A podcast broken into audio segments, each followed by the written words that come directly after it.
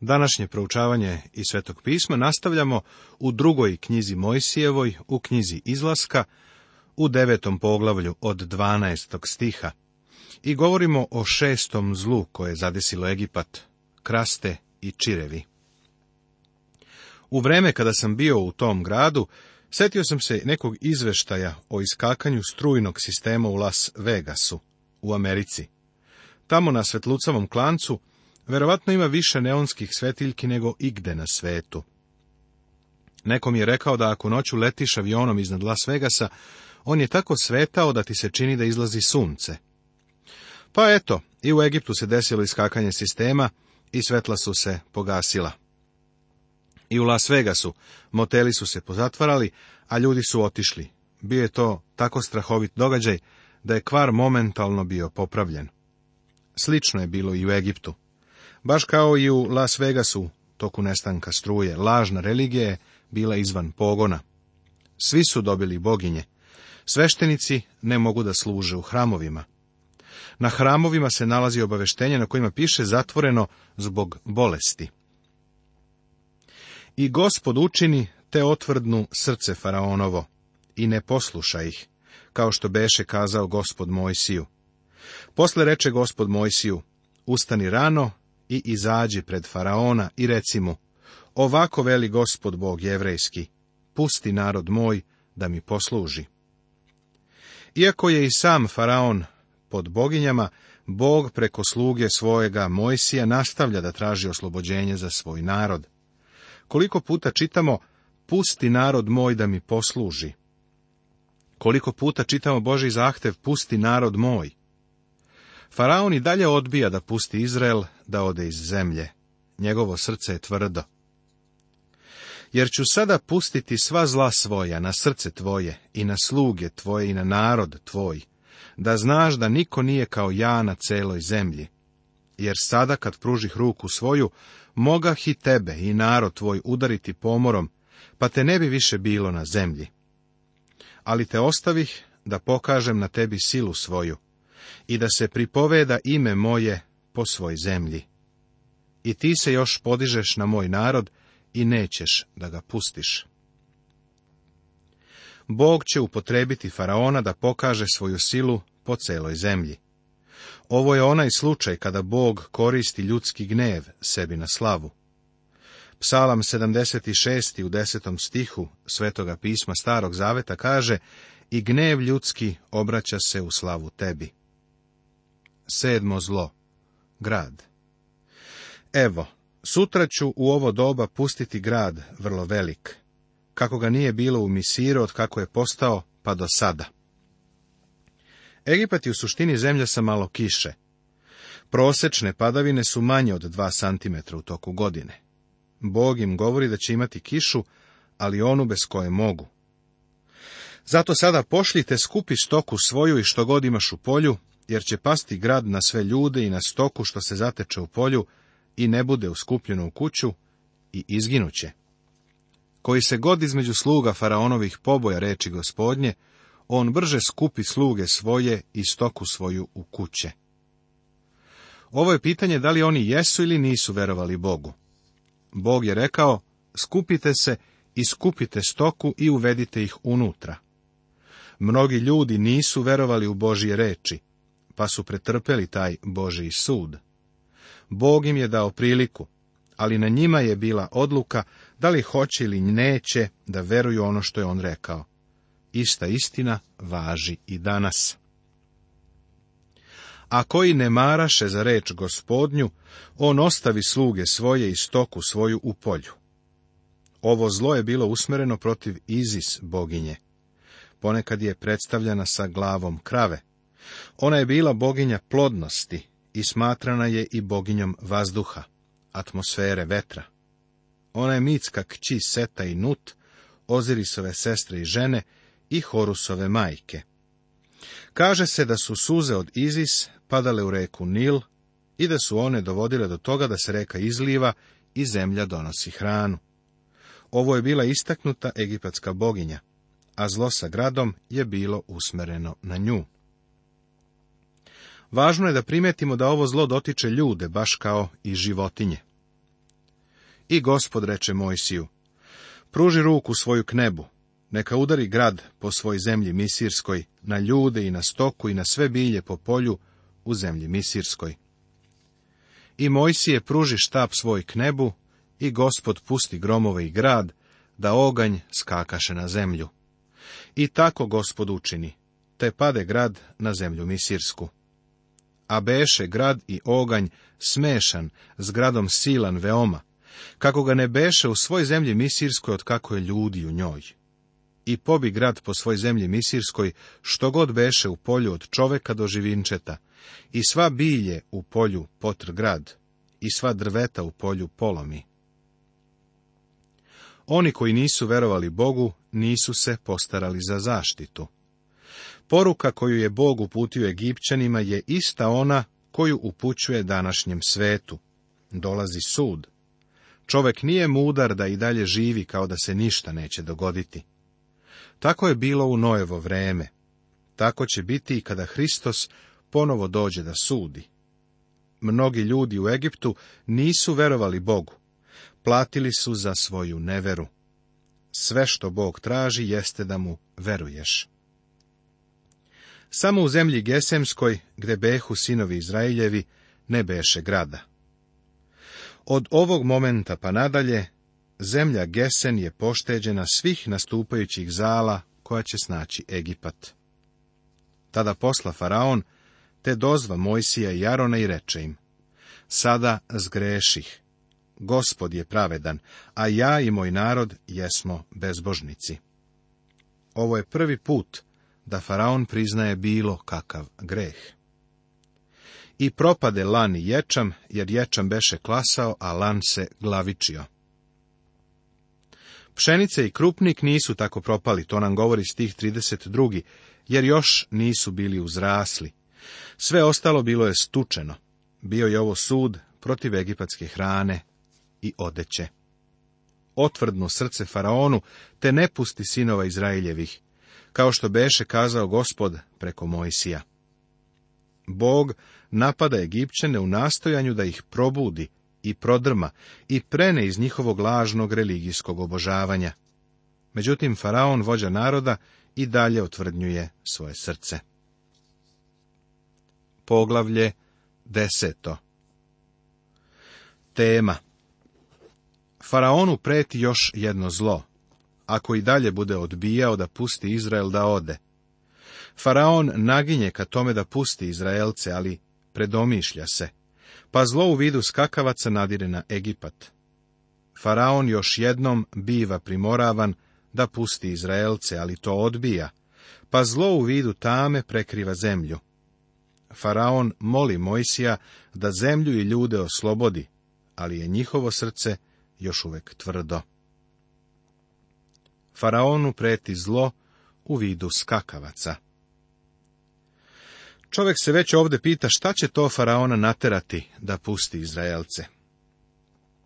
A gospod reče Mojsiju, idi k Faraonu, jer sam ja učinio da otvrdne srce njegovo i srce sluga njegovih, da učinim ove znake svoje među njima. I da pripovedaš sinovima svojim i unucima svojim šta učinih u Misiru, i kakve znake svoje pokazah na njima, da biste znali da sam ja gospod. Bog ima mnogo razloga za ono što čini. Jedan od razloga zbog kojih pušta zla jeste da učini da faraon otkrije kako je bezbožnik.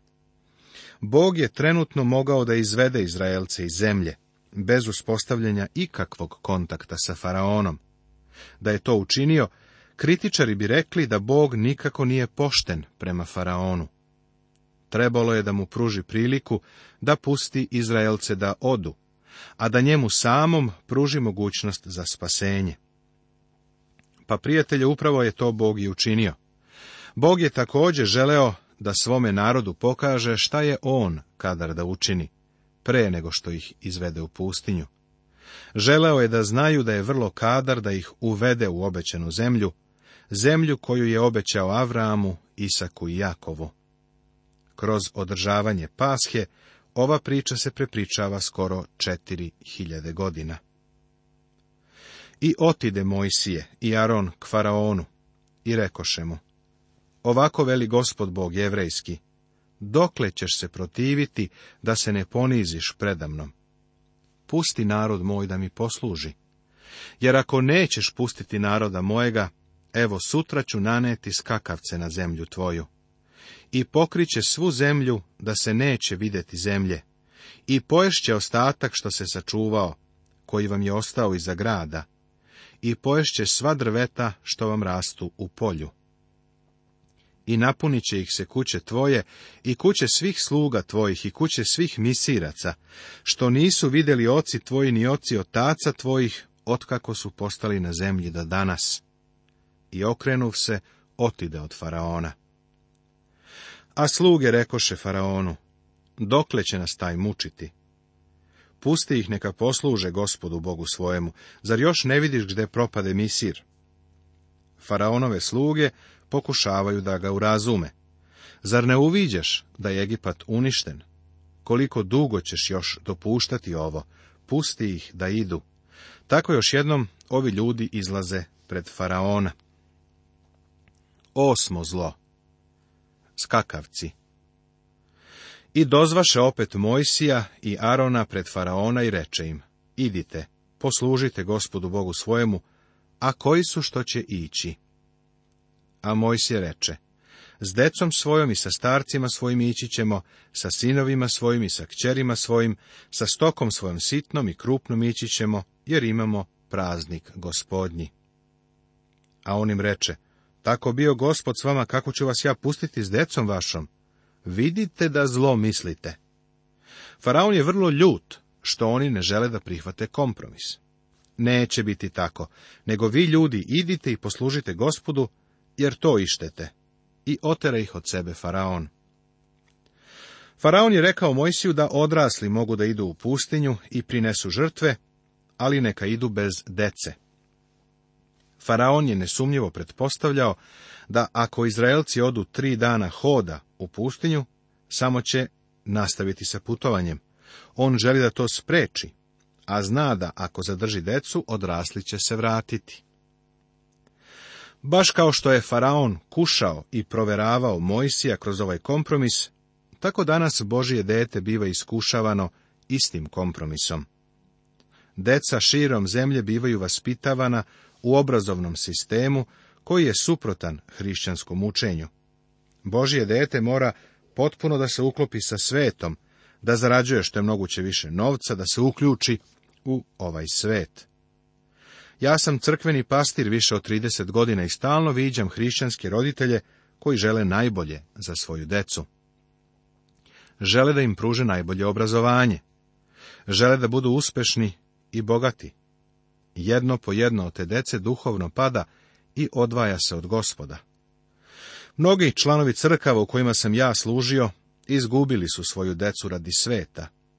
Želeti svoje deci najbolje iz sveta predstavlja najsuptilnije iskušenje koje hrišćanski roditelj može da ima. Šta očekuješ, prijatelju, kada svoju decu pošalješ u ove svetovne institucije, pa kada se oni vrate kućama sa ispranim mozgom? Zašto kažeš, čoveče, kako može to da uradi kada je odrastao u hrišćanskoj porodici? Problem je u tome što on baš nije vaspitan u hrišćanskoj porodici. Roditelji mnogih mladih ljudi možda jesu fini hrišćani, ali svoju decu nisu učili hrišćanskim pravilima i vrednostima. Bili su tako ambiciozni u vezi sa njima i tako ustreptali da uspeju u svetu, da su ih izgubili. Mojsije i Aron neće prihvatiti faraonov kompromis i to je razbesnelo faraona. Međutim, njegov bes nije ništa postigao, jer sledeće zlo samo što nije naišlo. Tada reče gospod Mojsiju, pruži ruku svoju na zemlju Misirsku, da dođu skakavci na zemlju Misirsku i pojedu sve bilje na zemlji, što god osta iza grada. I pruži Mojsije štap svoj na zemlju Misirsku, i gospod povede ustoku na zemlju, te duva celi dan i celu noća kad svanu, donese ustoka skakavce. I dođoše skakavci na svu zemlju Misirsku, i popadaše po svim krajevima misirskim silni veoma, kakvih pre nikad nije bilo, niti će biti onakvih. I pokriše svu zemlju, da se zemlja ne videše, i pojedoše svu travu na zemlji i sav rod na drvetima što osta iza grada, i ne osta ništa zeleno od drveta i od bilja poljskoga u svoj zemlji misirskoj. Kroz ovo zlo sa skakavcima otkriveno je nekoliko zanimljivih stvari zapazi da se skakavci nisu čudnovato pojavili kao neke druge pošasti. Istočni vetar je dunuo i naneo ih sa nekog drugog mesta, verovatno negde iz Azije. Skakavci su bili vrlo rasprostranjeni po Aziji, a ovaj vetar ih je naneo kroz veliko pustinsko prostranstvo, pa su skakavci bili vrlo gladni kad su stigli u zelenu dolinu Nila. Oni su potpuno ogolili vegetaciju zemlje. Skakavac se u Svetom pismu koristi kao slika suda. Zlo sa skakavcima je verovatno jedna od najgorih stvari sa kojom čovek može da se suoči. Prorok Joilo opisuje ovu pošast sa skakavcima koja se odigrala u prošlosti, što jeste istorijska činjenica. A zatim proriče sud koji će tek doći na čovečanstvo. Otkrivenje također spominje veliku nevolju sa skakavcima koja će doći na zemlju. Ovi insekti su verovatno više uticali na egipatsku zemlju nego i jedno prethodno zlo koje ih je snašlo. Tada faraon brže dozva Mojsija i Arona i reče, Zgreših gospodu Bogu vašemu i vama. Po prvi put faraon priznaje greh. Ali mi još sada samo oprosti greh moj i molite se gospodu Bogu svojemu da ukloni od mene samo ovu smrt, i otide Mojsije od faraona i pomoli se gospodu. I okrenu gospod vetar od zapada vrlo jak, koji uze skakavce i baci ih u crveno more i ne ostani jedan skakavac u celoj zemlji Misirskoj. Ali gospod učinite otvrdnu srce faraonu i ne pusti sinova Izraeljevih. Postoji metod u načinu na koji Bog postupa sa Egipćanima. Jedan sistematski i uredan redosled kojim šalje zla. Prva zla su bila usmerena na različite bogove i boginje i idole koji su vladali u zemlji. Sada Bog počinje da usmerava zla na način koji strahovito otežava život narodu, jer se ljudi bore da prežive. Skakavci su svakako baš proizveli ovaj efekat, pa ljudi pokušavaju da ubede faraona u to kako stvari stoje loše. Ovo je uslovilo da se faraon privremeno pokaje. Međutim, onog momenta kada je zlo uklonjeno, faraon menja mišljenje i vraća se u prvobitno stanje. Bog će ga prisiliti da pusti Izraelce da odu. Deveto zlo, tama. I reče gospod Mojsiju, pruži svoju ruku k nebu i bit će tama po zemlji Misirskoj, takva da će je pipati. I Mojsije pruži ruku svoju k nebu i posta gusta tama po svoj zemlji Misirskoj za tri dana. Ne u jedan drugoga i niko se mače s mesta gde beše za tri dana, ali se kod svih sinova Izraeljevih videlo po stanovima njihovim. Da li si nekada bio na mestu na kome si mogao da osjetiš, prosto da opipaš tamu? Jedini put kada sam stvarno osjetio tamu bilo je kada sam bio u kaverni Karlsbad u Pećini. Pre dosta godina na jednom turističkom putovanju kroz Pećinu, ljudi su ugasili svetla i grupa je pevala drevna steno. Bilo je vrlo efektno. Rekli su mi da više ne pevaju tu pesmu jer su ih neki nevernici kritikovali. Ali u toj pećini se može prosto opipati crnilo tame. Nikada pre ni posle nisam bio u takvom mraku, a takav mrak je bio prekrio Egipatsku zemlju. Ovo je bio sud nad bogom sunca Ra. Tama je usred bela dana obuzela zemlju Egipat. Bog se pokrenuo kroz tamu protiv vrhovnog boga koga su obožavali Egipćani. Sunčani krug je najčešći simbol koji su Egipćani koristili, on je u srcima svih njih. Ovo zlo je protiv njihovog boga sunca Ra. Zlo tame pokazuje krajnju bespomoćnost ovoga boga. Tama je bila čudo Božije i uslovilo je da faraon zatraži četvrti kompromis. Ovo je posljednji kompromis koji nudi pre nego što će Izraelcima dozvoliti da napuste Egipat. Gospodnje pravo nad Izraelom Tada faraon dozva Mojsija i reče, idite, poslužite gospodu samo stoka vaša sitna i krupna neka ostane, a deca vaša neka idu sa vama. Pomislio bi da ostavljanje stoke za sobom jeste kompromis koji možda Mojsije i može da napravi radi Izraelaca.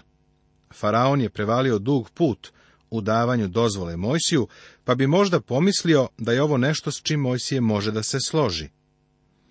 Ovde ponovo imamo pouku za današnje hrišćane. Bog je pozvao Izraelce da sa svim što imaju nastave put i ostave Egipat. Deca nisu smela biti ostavljena u Egiptu da se tamo odgajaju u njihovom obrazovnom sistemu. Nastavit će se.